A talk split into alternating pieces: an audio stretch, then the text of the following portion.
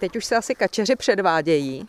No a kačeři slyšíme takhle, jak mají ten šeptavý hlas, tak si volají kachny, nebo kachny se zase hlasitě ozývají, když si volají toho svého kačera. A už to mají rozdělené, nebo jak to přijde ten den? Každá kachna si chodí se svým kačerem, ale ještě jako, abych docílil uh, nepříbuznosti a tohle, tak ještě je budu rozdělovat. Nezůstanou takhle pohromadě, jako jsou teď. Protože oni tak si myslím do měsíce začnou níst.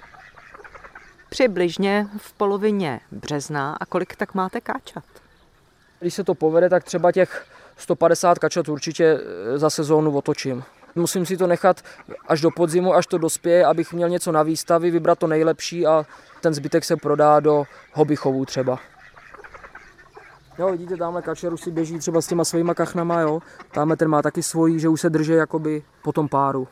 Která plemena chováte? Takže já chovám čtyři plemena kachen, kachna zakrslá, kachna smaragdová, kachna indický běžec a pižmovka. Určitě bych ty pižmovky doporučil, protože to jsou výborný mámy, že si nanesou, sami si odvodějí kačata a nemusíte se o nic prakticky starat. Jak dlouho kachny chováte?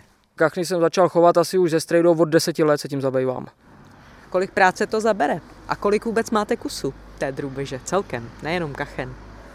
Jo, tak to teď kusů nevím, to vám zhruba, zhruba neřeknu, ale tak chovných kusů mám kolem 50 asi. No a když je ta sezóna, když jsou kačata a tohle, tak třeba to může být i 300 kusů. Hmm. A kolik práce to zabere? No teď v zimě je to rychlejší to krmení, no ale když jsou mladé a odchovy, tak to zabere třeba i tři hodiny. Máte ještě nějaké další koníčky? No tak další koníčky mám ještě fotbal a syna. Dva roky mu teď byli v lednu. Co říká na drůbež?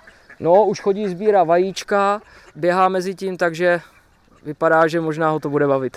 Procházíme se tady u vás u potůčku, kolem kterého se kachny zdržují a vy jste mi říkal, že ten potok u zahrady to je vlastně polovina úspěchu při chovu vodní drůbeže.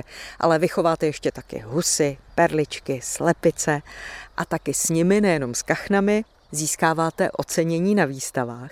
Většinou z každé výstavy, kterou naštívím, tak si něco odvezu. A studoval jste nějakou zemědělku nebo něco podobného? Kterým směrem jste se vydal? No já jsem byl úplně jiným směrem, právě měl jsem stavební průmyslovku, takže mě to úplně minulo tohle.